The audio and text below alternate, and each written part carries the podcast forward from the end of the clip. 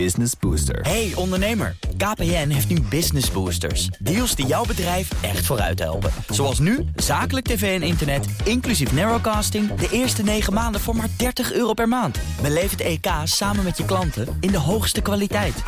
Kijk op kpn.com slash businessbooster. Business Booster. Blijf. BNR Nieuwsradio. Boekenstein en de Wijk. Hugo Reitsma. Welkom bij Boekenstein en de Wijk. Het is donderdag, dag 386 van de oorlog in Oekraïne. En Rob is in Dubai. Ik heb het even opgezocht. Het is daar tegen de 30 graden. Lig je op het strand? Dag. Nee, ik lig niet op het strand. Ik heb zelfs het strand niet eens uh, gezien, Ach, moet ik zeggen. Ik heb wel water gezien, uh, maar het strand niet. ik heb ook gezien trouwens dat er een uh, vliegtuigje geland is op het helikopterdek van de Pearl Al Arab. Oh. Dus het, volgens mij was dat het duurste hotel ooit in de wereld. Dat schijnt dus te kunnen. Nou, ja, wow. Dus echt hoogtepunt na hoogtepunt hebben we hier meegemaakt. Ja, oké. Okay, wat doe je daar verder? Uh, verder heb ik, ik, ik heb die, die stuk niet uitgevoerd hoor, maar wat ik hier uh, aan het doen ben, is ik ben bij een, een cyber security conferentie. Um, en een van de onderwerpen die, eraan te, die er aan de orde kwam, was de vraag van hoe gaat het eigenlijk met Oekraïne? En klopt het eigenlijk wel dat de Russen het zo ongelooflijk slecht hebben hm. gedaan?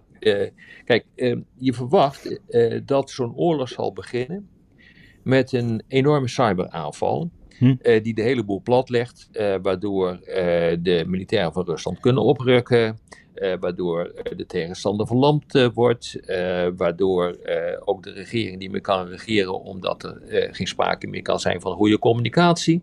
En dat is eigenlijk allemaal erg meegevallen. En dat is een van de grote vragen van hoe dat nu eigenlijk kan. Hè? Want jullie herinneren je nog wel dat er altijd discussies zijn geweest in het verleden van, ja, nee, de volgende oorlog, dat is een cyberoorlog, dan ja. wordt er helemaal niet meer gevochten en dan ja. uh, wordt, nou, dat is dus gewoon Helaas. allemaal niet, nee. niet gebeurd. En er zijn twee scholen, die staan uh, tegenover elkaar, dat is best wel aardig hoor.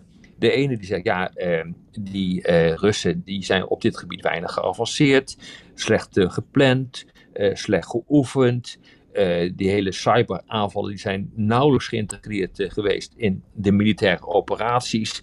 En de experts waren niet uh, onder de indruk. En dan de andere school die zegt van, nou nee, de voorbereiding van Oekraïne is gewoon ongehoord goed geweest. En ze zijn hierop voorbereid en dat heeft nu uitbetaald. De Russen hebben toch altijd hele goede hackers, maar dan vooral voor ransomware en zo. Dat ze, ze een, een ziekenhuissysteem platleggen en een miljoen vragen. Dat kunnen exact. ze wel. Ze zitten, dat, ze zitten heel diep uh, in de uh, cybercriminaliteit. En dit zijn gewoon offensieve cyberoperaties om de boel plat te leggen. Dat hebben ze wel ge gedaan. Uh, als je dus kijkt wat er gebeurd is, vlak voor de oorlog. Toen is het um, is Viasat, dat is een satellietsysteem, die is gewoon echt platgelegd. Dat ja, direct, direct voor... voor de invasie, hè? Ja. ja, exact. De uren daarvoor. Uh, en eigenlijk uh, begon het keihard door, het, door te gaan één uur voordat de oorlog daadwerkelijk begon. Het heeft inderdaad problemen veroorzaakt met de communicatie, maar niet voor de militairen. Wat op zich heel erg vreemd is. Maar laten we zeggen, de civiele kant van het huis in Oekraïne heeft daar last van ondervonden. Maar aan de andere kant ja, is het effect beperkt gebleken. Uh, want het systeem was toch tamelijk goed uh, bestand tegen deze aanvallen. En dat gaf op zich gaf het te denken. Dus ze hebben het wel degelijk geprobeerd, die Russen. Maar het is gewoon op dat punt niet goed gegaan. En, en ook de Oekraïners zijn ontzettend goed in het beschermen en beveiligen van dingen. Ja, ja, nee, dat is absoluut uh, het punt. Kijk, uh, daar is jaren aan gewerkt. Uh, en als je het nou hebt over wat is er nou goed gegaan en wat is er nou fout gegaan. Nou, we weten dat de capaciteiten van de Russen, de offensieve cybercapaciteiten van de Russen, toch tamelijk klein zijn. Bovendien, als je zo'n capaciteit één keer inzet, dan moet je heel snel de boel weer opbouwen om een nieuwe stoot te kunnen geven. En dat konden ze niet. Ze waren niet in staat om heel snel te recupereren. En wat Arend Jan zegt, klopt absoluut. Ze waren heel erg goed voorbereid. En uh, die voorbereiding is dus cruciaal. Uh, dat is gedaan door middel van scenario-analyses. Maar ook, en dat is echt een van de grote punten die daar uh, gebeurd is. Uh, op het moment dat die aanvallen kwamen, hebben ze hun, al hun data, die zaten al in back, backups, maar die hebben ze ook in de cloud uh, gezet. Altijd verstandig dus om je data ja, te backuppen in de cloud. exact, dus dat, dat is gebeurd en dat ja. is direct na de start van de oorlog is dat uh, ah. uh, gebeurd. En ook in Kiev wordt nu gezegd, ja die Amazon Web Services, die hebben ons eigenlijk gewoon gered. Amazon? Echt waar? Ja, wow. en het, ook het interessante hiervan is, is dat toen Rusland dus een, een kruisraket op een datacentrum uh, afschoot, toen gebeurde er eigenlijk weinig. Ja. ja. Geweldig. Ja, ja. ja en een ander, een, ander, een ander voorbeeld is dat dus de, de veiligheidssystemen uh, die uh, in die systemen op dit ogenblik zitten, dat zijn vooral Amerikaanse systemen, ja, die maakt het toch heel erg lastig om echt heel erg effectief uh, erin te kunnen breken. Hm. En, en wat ik het meest interessant vind, is dat uh, door middel van uh, kunstmatige intelligentie, machine learning, het, men in staat was om eigenlijk een aanval te herkennen voordat je zag dat die daadwerkelijk werd uitgevoerd. Hm. En op grond van iets wat de mensen nog niet konden zien, kon de machine ingrijpen om uh, de boel te blokkeren, zodat uh, die, uh, ja, die hacks, of hoe je het ook allemaal zou willen noemen, die cyberaanvallen bijna effect hadden. Zijn, en dat, zijn is, het... dat is toch wel bijzonder hoor. Ja. Hebben we het eigenlijk dan vooral dus over hacks, dus zeg maar over sabotage? Of je kan de cyber is, is denk ik wel meer dan dat, ook inlichtingen of informatieoperaties? Ja, ja, de, de Russen hebben met name, en dat is ook een van de belangrijke punten, in het begin van de oorlog hun cybercapaciteiten vooral ingezet om te, kunnen, uh, te kunnen waarnemen. Uh, om erachter te kunnen komen wat er in de computers gebeurde. Dus helemaal niet om de zaak plat te leggen, maar om bijvoorbeeld operatieplannen te, kunnen, ja. te kunnen onderscheppen. maar daar hebben ze waarschijnlijk te veel capaciteit aan besteed. Voor zover we dat nu kunnen, kunnen zien. Hmm. Ik lees hier ook, Rob, dat ze, ja? de Russische troepen die planden dus dat voor een, slechts een week oorlog. Hè, dus zouden, zouden ze gewonnen hebben. En zo ja hebben de Russische cyberjongens ook gedacht. Het is maar een weekje. Ja, klopt. En, ja. En, en, en, toen moesten ze dus langer en toen hebben ze hun ambities moeten aanpassen en zo. Ja, en dan heb je het eh, niet. Dat, ja. dat is het hele punt. En, en uh, ook wel een interessant punt hoor. Uh, Starlink, dat kennen we allemaal wel. Van Elon Musk. Een, ja. inderdaad, dat is een, een satellietsysteem dat bleek relatief onkwetsbaar te zijn. He, dat is een deel van de basis vormt dat van het internet in, in Oekraïne, maar dat bleef gewoon intact.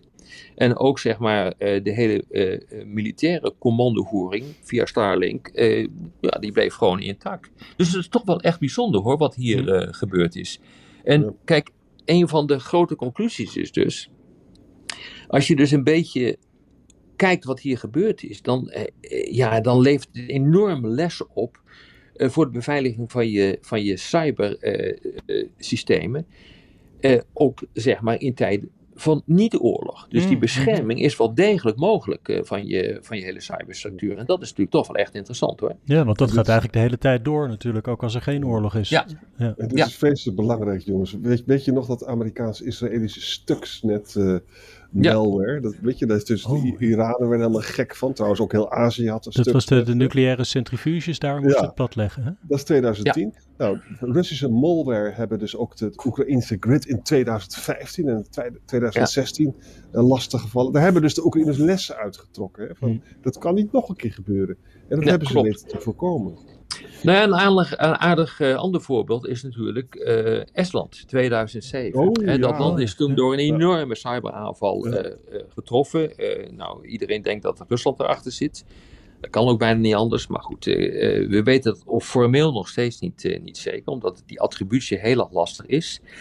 Maar eenzelfde aanval heeft eigenlijk aan het begin van de oorlog weer plaatsgevonden. En toen ging het helemaal over de grens van Oekraïne en toen is er gewoon niks gebeurd. Eigenlijk, ja, er zijn, is wel wat gedoe geweest. Ik bedoel, uh, je, maar, maar niet, niet significant. En dat betekent dus dat uh, wat die Esten toen hebben gedaan na 2007, is ze hebben het hele systeem op de schop eh, genomen. Ja, dat heeft nu uitbetaald. Want anders hadden ze in dezelfde situatie weer gezeten. En ja, nu ging dat eigenlijk, nou rimpeloos kan je niet zeggen, hm. maar de effecten waren helemaal niet zo groot hoor. Maar al die Russische misrekeningen bij elkaar zeg. Dus cyber werkte niet goed, verkeerd gepland. Uh, geen luchtoverwicht. Hè? Ja. Oorlog duurt veel langer. Jongen, jongen, jongen, jongen. Ja. Ik las in dat, over, over dat Viasat, die hack, ook wel eens dat... Hè, van als je, als je zeg maar, bij de buurman wil inbreken, dan kan je gewoon een toeltje van internet halen. Maar als je zoiets belangrijks wil binnendringen, ja, dat kost eigenlijk maanden onderzoek. En je moet daar gewoon specifieke software voor schrijven voor de kwetsbaarheden die je daar dan vindt. Dus daar kan je dan niet, als de oorlog wat langer duurt, zeggen van nou, dan pakken we nu eventjes een, een ander doelwit. Daar, daar ben je, dan ben je een jaar verder voordat je misschien Ja, dat- een ingang heb hebt gevonden. Tientallen, honderden mensen voor nodig om dat eh, goed eh, te kunnen doen. Eh, het hangt er vanaf dan vervolgens wat je wil gaan doen. Hè. Stuknet is net door Jan genoemd. Dat is gewoon eigenlijk door een, een iemand is een USB-stick, als ik het goed heb, eh, in, eh, de, Ja. in de faciliteiten gebracht. En die USB-stick die is door iemand van, hé, hey, er ligt een USB-stick, laat ik even kijken wat erop Ja. zit. En toen De- ging het dus helemaal mis. Ja, de mens is altijd het kwetsbaarste Ja, in het systeem. Ja, exact. Dat is, dat is een mogelijkheid. Of je moet, eh, je moet er inbreken van buiten. Dat kan op zich wel. Maar het probleem is, dat kan je één keer doen. Als het gefixt is, kan je het niet meer doen. Dus dan moet je weer iets nieuws gaan bedenken. ja, ja. En zo blijf je bezig. En dan kom je met dat eh, probleem te zitten, wat jij ook zegt, eh, Hugo. eh, dat, het, ja, dat het vrij lang duurt om zoiets te ontwikkelen. En dan kan die oorlog al over zijn. Dus cyber onverwacht onzichtbaar, maar wel heel leerzaam wat we, Zeker. wat we zien gebeuren. Ja, dat is, ik vind het echt wel heel boeiend. Want ik heb me ook altijd afgevraagd van waarom ja, eh, gebeurt er zo weinig? En waarom eh, gaat dit niet volgens eh, de, de voorspellingen dat de hele boel wordt platgelegd door, ehm, eh, door cyber? Is dus wel geprobeerd. Maar de effecten zijn dus heel erg beperkt geweest. Zou het echt kunnen, zoals je eerder zei, van dat, dat een, een volgende oorlog zodanig een cyberoorlog is dat je niet meer in loopgraven hoeft te staan, maar dat je het allemaal van achter de computer kan regelen? Want dat zou Nee, natuurlijk wel ik- vooruitgang zijn. ik denk, nou dat hoeft niet hoor. Want ik- als je daarmee een land helemaal compleet plat kunt leggen, dan maak je het ook kapot. Ik denk het niet. Ik denk het niet. Kijk, eh, als dat zou, bij wijze van spreken zou gebeuren, dan ga je elkaar gewoon eh, met messen te lijf. Dus eh, gevochten wordt er. Dat is Teleurstellend. Podcast. Ja. Heb je Ja. morgen nog tijd voor het strand, Rob? Eh, misschien. En dan eh, moet ik alweer terug, want eh, vrijdag moet ik paraat zijn eh, bij jullie met gekamde haren. We verwachten je om 11 uur stipt in de studio. Zo, ga ik doen. Oké. Tot dan. Tot morgen, jongens. Tot morgen. Hoi, hoi. Business Booster. Hey ondernemer, KPN heeft nu Business Boosters. Deals die jouw bedrijf echt vooruit helpen. Zoals nu, zakelijk tv en internet, inclusief narrowcasting... de eerste 9 maanden voor maar 30 euro per maand. Beleef het EK samen met je klanten in de hoogste kwaliteit. Kijk op kpn.com slash businessbooster. Business Booster.